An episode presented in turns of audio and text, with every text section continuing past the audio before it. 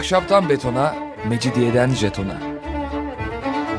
Alameti kerametinden menkul kent hikayeleri.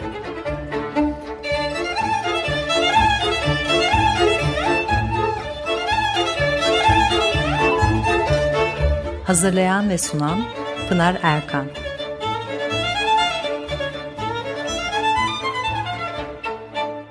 Efendim merhabalar bir haftalık aradan sonra yine birlikteyiz. 95.0 frekanslı açık radyoda ahşaptan betona mecidiyeden jetona tam şu anda başlamış bulunmakta. Anlatıcınız ben Pınar Erkan. Elektronik posta adresim pinarerkan.yahoo.co.uk Bugün programımızda Haçlı Seferleri sırasında daha doğrusu İstanbul'un Latin istilasına uğradığı sıralarda şehirden alınıp Avrupa'ya götürülen ve şehirde yağmalanan o kıymetli eserlerden biraz söz etmek istiyorum.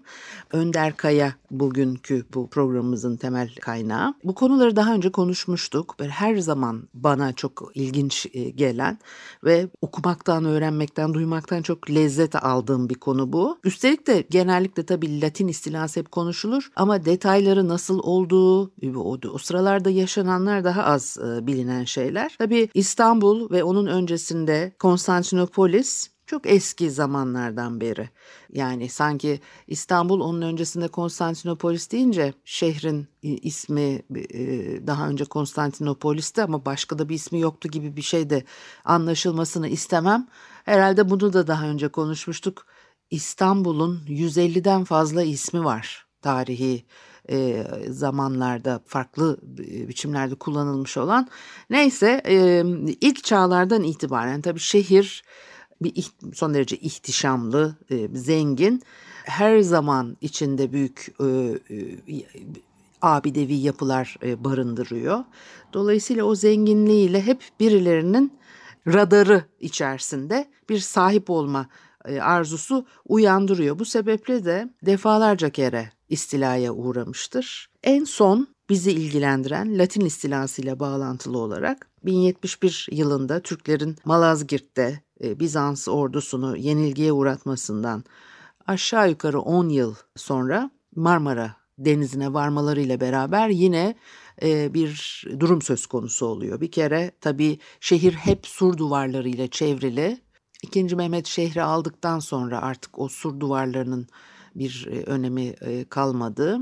Ortaçağ şehirleri de zaten hep sur duvarlarıyla çevrilidir. Çünkü o şehirleri korunaklı hale getirmenin en temel ve etkili yollarından bir tanesiydi şehirleri tahkim etmek. Dolayısıyla e, yine bu sırada da şehirdeki o sur duvarlarını güçlendirecekler ki kendilerini koruyabilsinler. Sasani, e, Avar, Peçenek, Arap, e, e, Bulgar ordularının saldırılarına uğramış daha önce bir şehir. Onların hiçbirisi e, başarılı olamadı. Fakat tabii önlem almak istiyorlar. Daha da kuvvetli hale gelmek istiyorlar. Bizans e, devleti imparatorluğu tabi Doğu Roma imparatorluğu biz şimdi Bizans devleti imparatorluğu diyoruz ama 16. yüzyılda bir e, Alman tarihçinin e, geriye dönük olarak bu döneme verdiği isim onlar kendilerine Bizanslı olarak tanımlamıyorlardı dönem içerisinde yaşarken Doğu Roma ve Rum, Romalı olarak isimlendiriyorlar kendilerini ve zaten de öyleydiler. Ve bugün tabii şehirde yaşayan Rum vatandaşlarımızın da e, ismi de e, oradan geliyor eski e, şehrin Romalı olduğunu bize anlatan tabii ki bir e, terim. Şimdi burada e, devlet yardım isteyecek. Bunun için o dönemin papasından yardım istiyor. Konstantinopolis'te yaşayanlar biliyorsunuz e, Doğu Roma İmparatorluğu vatandaşları diyeyim artık. Elbette o zaman bir vatandaşlık kavramı falan yok ama veya Bizans e, İmparatorluğu'nun e, halkı Ortodoks kiliseye tabi yardım istedikleri papa Katolik kilisenin başı. O Katolik kilise ile Ortodoks kilise arasında da her zaman bir çekişme, bir sürtüşme söz konusu ve tabii Papa o dönemin daha doğrusu 1095 yılının papası Avrupa'daki Hristiyanları Haçlı Seferi için harekete geçirmeye çalışıyor ve bunun için de şöyle bir ifadesi var. Doğu dünyasındaki sunak ve mabetleri pislikleriyle kirletip kiliseleri yağmalayan aşağılık İranlılar e, diye e, söz ediyor kastettiği e, Selçuklu e, Türkleri ki insanlar elbette bir Haçlı Seferi için heyecanlansınlar ve yollara düşsünler. Bunun için yapılan bir takım işte konuşmaların, ifadelerin, propagandaların metinleri bunlar.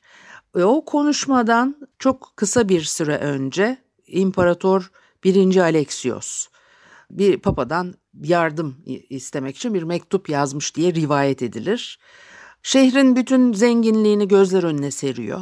E, çünkü hani eğer Türkler gelip de şehri alırsa nelerin kaybedileceğini anlatmaya çabalıyor. Fakat bunlar tabii çok iştah kabartacak şeyler, şehirle ilgili o anlatılan zenginlikler. Mektupta şöyle ifade ediyor. Konstantinopolis dinsizlerin saldırısına açık bir haldedir.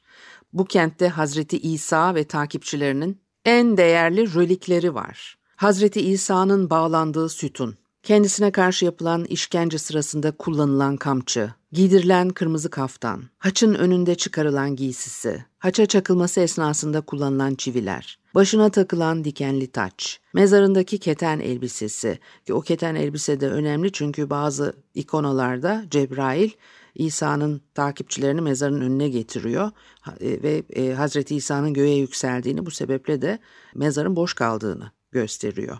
O mezarda Hazreti İsa'dan geriye kalan tek şey o keten elbise. Onun için çok önemli ve kıymetli. Gerçek haçın parçası, Aziz Yahya'nın başı, Hazreti İsa'nın kutsal kanı, bedenine saplanan mızrağın parçalarının yanı sıra diğer aziz ve azizelerin rölükleri yine e, burada ve e, Konstantinopolis kiliselerinin hazine odaları altın, gümüş, mücevherlerle doludur diyor. Ayasofya'nın zenginliği Kudüs'teki Süleyman Mabedi'nin dahi bir zamanlar sahip olduğu zenginliği gölgede bırakacak durumdadır.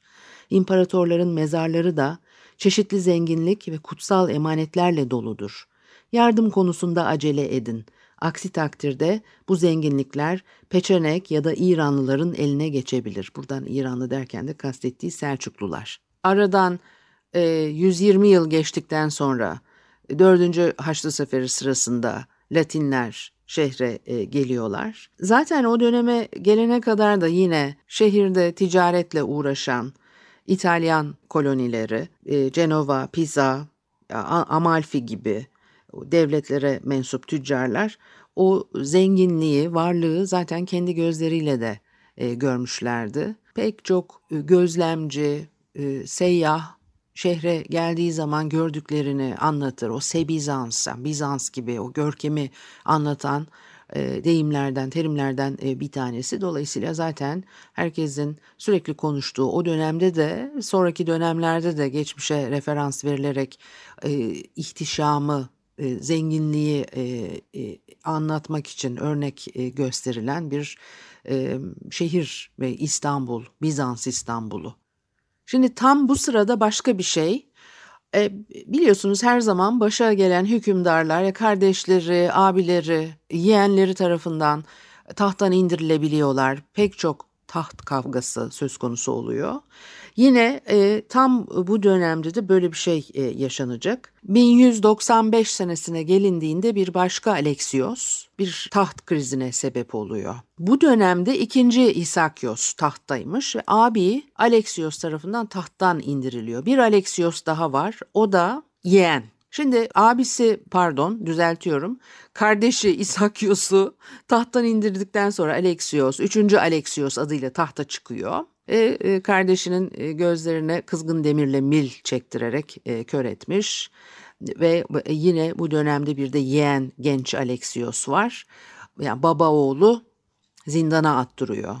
Zindanda 8 yıl e, hapis hayatı e, yaşıyorlar ve Alexios e, amcasının elinden kurtulmayı başarıyor. Avrupa'ya kaçıyor ve intikam alacak. E, Avrupa'dan alacağı, e, bulacağı yardımla amcasını tahttan uzaklaştırmayı planlıyor. E, bu sırada da Venedik'te bir Haçlı ordusu toplanmış bundan faydalanmayı umuyor. Tam bu sırada O e, Haçlı Seferi'ne katılanlar tabii e, bir şeye binip de gidecekler. O kadar yolu yürüyecek halleri yok. Onları o kutsal toprakları taşıyacak olan Venedikliler. Venediklilerle taşıma ücretleri konusunda bir e, anlaşmazlığa düşmüşler. Ödemeler aksamış falan. Şimdi bunun üzerine Haçlı Seferi'ne katılan o liderlerden birinin aklına Almanya'da bulunan Prens Alexios geliyor. Haçlı karargahına davet ediyorlar Alexios'u ve bir görüşmeler yapıyorlar, bir anlaşmaya varıyorlar. Buna göre Haçlılar e, tahtın meşru sahibi olarak Alexios'u kabul ediyorlarmış. Alexios ve babası İsakyos'u. İstanbul'a geldikleri zaman Alexios ve babası İsakyos'u tekrar başa geçirecekler. Buna karşılık da Bizans'tan bu Haçlı seferinin e, finansmanını talep ediyorlar. Yani biz, bizim ne kadar e, paraya ihtiyacımız varsa ihtiyaçlarımızı karşılayacak şekilde bunları ödemeniz diye bir talepte bulunuyorlar. Alexios bunu kabul ediyor. Haçlılara 200 bin mark para verecekmiş. O filonun bir yıllık masrafını üstlenecek. Mukaddes topraklarda her masrafı kendine ait olmak üzere ölene kadar 10 bin asker bulunduracak ve Konstantinopolis'ten ayrılan her Haçlı'nın bir yıllık erzakını da temin edecek. Böyle bir vaatte bulunuyor. Peki ondan sonra ne oluyor? Bir müzik arası verelim ve konuşmaya devam edelim. Efendim Açık Radyo'da Ahşaptan Betona, Mecidiyeden Jeton'a devam ediyor. Haliyle Pınar Erkan'ı dinlemektesiniz. Konstantinopolis'in Latin istilasına uğradığı dönemlerde olanları konuşuyorduk. Nasıl gelişti olaylar. Biraz da istila e, sırasında e, yağmalama neler götürüldü, nelere zarar verildi, ne vardı o sırada İstanbul kiliselerinde ve e, saraylarında, şehirde. Onları biraz konuşmak istedik bugün. Önder Kaya kaynağımız. Programın ilk bölümünde genç Alexios'un Haçlı seferine katılacak olanlara vaatlerde bulunduğundan söz etmiştik. Buna karşılık da İstanbul'da Konstantinopolis'te Haçlılar geldiği zaman yeniden bir e, başa geçme ihtimali e, olacak diye e, bunu umuyor. Şimdi tabii halkı Hristiyan olan bir bölgeye saldırmak konusu o bazı Haçlı liderlerini düşündürüyor. Çünkü daha önce mesela Zara şehrine saldırmışlar ve orada ciddi bir yağmalama, yakıp yıkma, zarar verme söz konusu olmuş. Zara halkı Katolik e, vasıflarıyla Papa'dan kendilerini koruyacak bir e, belge almalarına rağmen bu hiçbir işe yaramamış. Konstantinopolis Ortodoks bir halkın yaşadığı bir şehir. Ortodokslarla Katolikler arasında zaten bir e, gerilim, sürtüşme, gerginlik olduğunu da söylemiştik. Dolayısıyla çok riskli e, bir e, pozisyon bu, burada tabii e, söz konusu. Dolayısıyla galiba pek de Alexios'un umduğu gibi olmayacak işler. Ama şöyle özetlersek eğer Yeşilköy üzerinden Karaköy yakınlarına geliyor Haçlılar. Buradan o meşhur e, zincirli Castellon kulesini ele e, geçirerek şehre giriyorlar. Donanmalarını Haliç'e sokuyorlar. O kuşatmanın şiddetlenmesi üzerine 3. Alexios şehri terk ediyor ve şehir Haçlıların eline geçiyor. Haçlılar hemen yanlarında bulunan bu genç prens Alexios'u 4. Alexios adıyla tahta geçiriyorlar. Üstelik de prensin babası olan ikinci İsakyos'u da zindandan çıkararak ortak imparator ilan ediyorlar. Ve bu olayın hemen arkasından Haçlılar şehir surlarının dışına çıkıp burada kamp kuruyorlar. Çünkü beklentileri var. Alexios bakalım vaatlerini yerine getirecek mi diye. Çok kısa bir süre sonra Haçlılara ilk ödemeler yapılmaya başlanmış İlk etapta Alexios'un söz verdiği 200 bin markın yarısı verilmiş. E, tabii böyle bu paraları bulmak çok zor çünkü o eski e, zenginlik e, varlıklı durum da artık çok söz konusu değil. Bin türlü badire atlatılmış. O parayı denkleştirebilmek için Alexios başa geçtikten sonra bazı kiliselerdeki değerli eşyaları e, tabii bu değerli eşya dediğimizde altın gümüş bu eşyaları eritmek mecburiyetinde kalıyor. E, doğal olarak halk bunu çok onaylamıyor. Çok iyi bir e, izlenim e, bırakmıyor imparator. Hem imparatora kızıyorlar hem de Haçlılara karşı o duyulan nefret, mem- memnuniyetsizlik daha da artıyor. O da yetmiyor. Başka Alexios'un e, yaptığı işler gene halk tarafından çok hoş karşılanmıyor. Mesela işte amcasıyla işbirliği yoluna gidenleri onu yakalatıyor, onları cezalandırıyor. Halk bundan da hoşlanmıyor. Kendilerine yeni bir bir imparator arayışı içerisine giriyorlar. Bir önceki imparatorun damadı Murzuplos işte tam bu ortamda dikkat çekiyor, öne çıkıyor, sivriliyor. Ee, sarayda üst düzey bir e, görevliymiş ve mevkisini kullanarak bir gece 4. Alexios'u tutuklatıp zindana attırıyor. Arkasından babasını da ikisini beraber boğduruyor. Ve Haçlıların kent dışında kamp kurmaları, o gelişmelerin çok hızlı olması, Murzuplos'un da başarılı olmasını e, kolaylaştırıyor. Beşinci Alexios olarak anılır kendisi.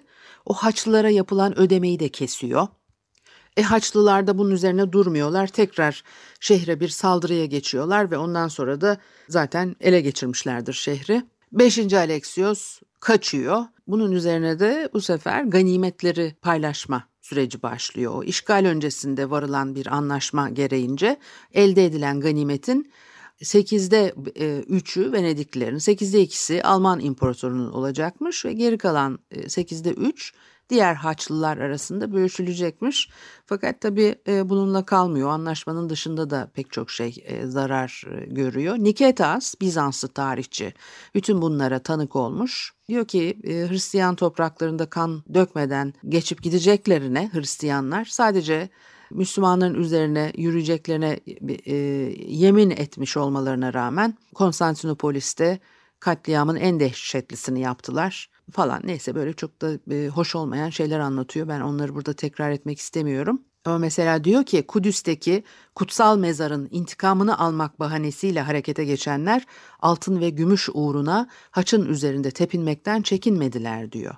Bu dönemde e, e, sefere katılan Haçlılardan biri e, Robert de Clary yazmış e, gördüklerini. Gene e, daha önceden bu gözlemcinin de anlattıklarını Latin istilası ile ilgili başka programlarımızda da konuşmuştuk ama şimdi söyleyeceklerimi o zaman aktarmamıştım size. O şehirde müthiş bir zenginlik ve ihtişamla karşılaşıyor. Onu anlatırken de yağmalanan eserler hakkında son derece detaylı bilgi veriyor. Diyor ki dünya kuruldu kurulalı ne İskender zamanında ne Şarlman devrinde ne daha önce ne daha sonra bu kadar büyük, bu kadar zarif, bu kadar fevkalade servet ne görülmüş ne alınmıştır. Kanaatimce dünyanın en zengin 40 şehrinde Konstantinopolis'te bulunan servet bulunmaz. Rumlar dünya servetlerinin üçte ikisinin Konstantinopolis'te, üçte birinin ise orada burada olduğunu söylüyorlar diye işte duyduklarını da tabii aktarmış. Diyor ki mesela imparatorun saraylarından Bukalyon fevkalade bir saraydı. Burada 30 kadar kilise bulunmaktaydı. Bunlardan birinin adı Saint Chapelle. Bu kilise o kadar zengin, o kadar muhteşemdi ki e, menteşeleri, sürgüleri, buna benzer diğer kısımları demirden değil gümüşten, akikten veya fevkalade kıymetli taşlardan. Bu kilisenin içinde fevkalade mukaddes emanetler bulundu. Hakiki haçtan bacak kalınlığında ve yarım kulaç uzunluğunda iki parça, Hazreti İsa'nın göğsünü delen mızrağın demir ucu, elleriyle ayaklarına çakılan iki çivi, billurdan yapılan küçük bir şişe içinde muhafaza edilen kutsal kan, Golgota tepesine götürüldüğü zaman üstünden çıkarılan gömlek, sivri deniz kamışlarından yapıl yapılarak başına geçirilen takdis edilmiş taç, Hazreti Meryem'in başı ile Yahya peygamberin başı ve saymaktan aciz bulunduğum daha pek çok kutsal emanet de buradaydı. Bu kadar olsa iyi başka şeyler de var. Kilisenin ortasında kocaman iki gümüş zincire asılmış fevkalade iki kap. Bu kaplardan birinde kiremit, ötekinde ise bir bez bulunuyordu. Bu mukaddes eşyanın hikayesi ise şöyledir. Bir zamanlar Konstantinopolis'te yaşayan bir aziz varmış. Bu aziz, Tanrı rızası için dul bir kadının evinin çatısını kiremitle örtüyormuş. Çatıyı örterken Tanrı ona görünmüş ve şöyle demiş. Belindeki şu bezi ver. Adam çıkarmış vermiş. Tanrı bununla yüzünü örtmüş. Bezin üzerinde yüzünün izi kalmış. Tanrı bu adama bezi alıp götürmesini, bununla hastalara dokunmasını, imanı olanların şifa bulacaklarını söylemiş. Bezi iade alınca iyi adam ikindi vaktine kadar bezi bir kiremitin altında saklıyor İkindi vakti oraya giderken bezi alıyor ve kiremiti kaldırınca Tanrı'nın yüzünün şeklinin kiremitin üzerinde kaldığını görüyor. Kiremitle bezi alıyor ve bunlarla pek çok hastayı iyileştiriyor. Bu mukaddes emanet anlattığım gibi odanın ortasında asılıydı diyor. Biliyorsunuz bu kadar eski tarihi olan şehirlerle ilgili çok şey e, söylenir. Tılsımlı e, e, yapılar istersiniz. İnsanların hastalıklarını iyileştiren mucizevi eşyalar, yapılar mı istersiniz?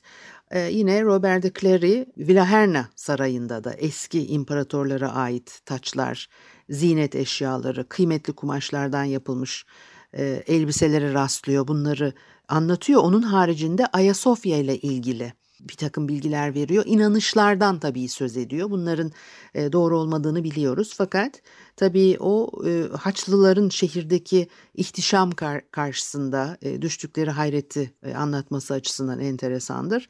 Mesela Ayasofya içinde şöyle şeyler aktarıyor bize. Kilisenin içinde çepeçevre muhteşem sütunlara dayanan kubbeler vardı. Bu sütunların akikten, somakiden veya kıymetli taşlardan olmayanı, bazısı sürtününce böbrek ağrılarına iyi geliyormuş, bazıları göğüs, bazıları ise başka hastalıklara iyi geliyormuş. Ayrıca kilisenin kapısının halkasında hangi karışımdan yapıldığı bilinmeyen çoban kavalı boyunda bir boru asılıydı. Bu borunun şöyle bir özelliği varmış. İşte onu eğer vücudunuzda şişlik gibi, karın şişliği gibi bir derdi olan hasta o boruyu ağzına koyduğu zaman yani o boruya tutuluyor filan. O kadar sıkı tutarmış ki bu boru insanı işte gözler yuvalarından fırlayacak neredeyse filan ve içinde ne kadar şişlik varsa hastalık varsa e bunları emiyor, çekip götürüyor filan diye o hastalığın tamamı vücuttan sökülünceye kadar boru insanı kendisine tutunan insanı bırakmıyormuş. Ee, eğer hastalığınız yoksa da o zaman o borunun da hiçbir etkisi olmuyormuş.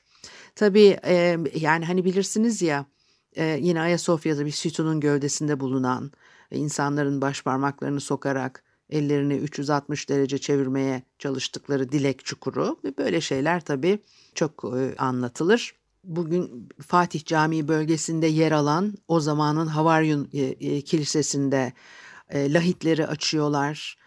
Haçlılar e, Justinian'in mezarını açtıkları zaman onun çürümemiş cesedinin mucizesini görüyorlar ama yine de yağmalamaktan geri durmamışlar. E, Bizans'ın Niketas onların ne ölüye ne de diriye saygı duymadıklarını ifade ediyor. Başka şeyler de var. Onları da size anlatmak istiyorum ama belki bir program önümüzdeki haftada bu konuya devam edeceğim. Bu arada Ahşaptan betona, mecidiyeden jetona programımız Kaan Yence'ye doğum günü hediyesi olmuş. Çok keyifli, çok güzel bir şey. Kaan Yence'nin ben de doğum gününü kutluyorum. Ayrıca Pınar Güler Hanım ve Gökhan Ergan'a da çok selamlar gönderiyorum buradan. Bu haftalık da bu kadar olsun. Haftaya görüşene kadar hoşçakalın.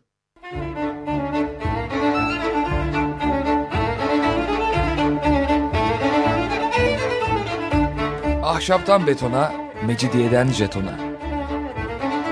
Alameti kerametinden menkul kent hikayeleri.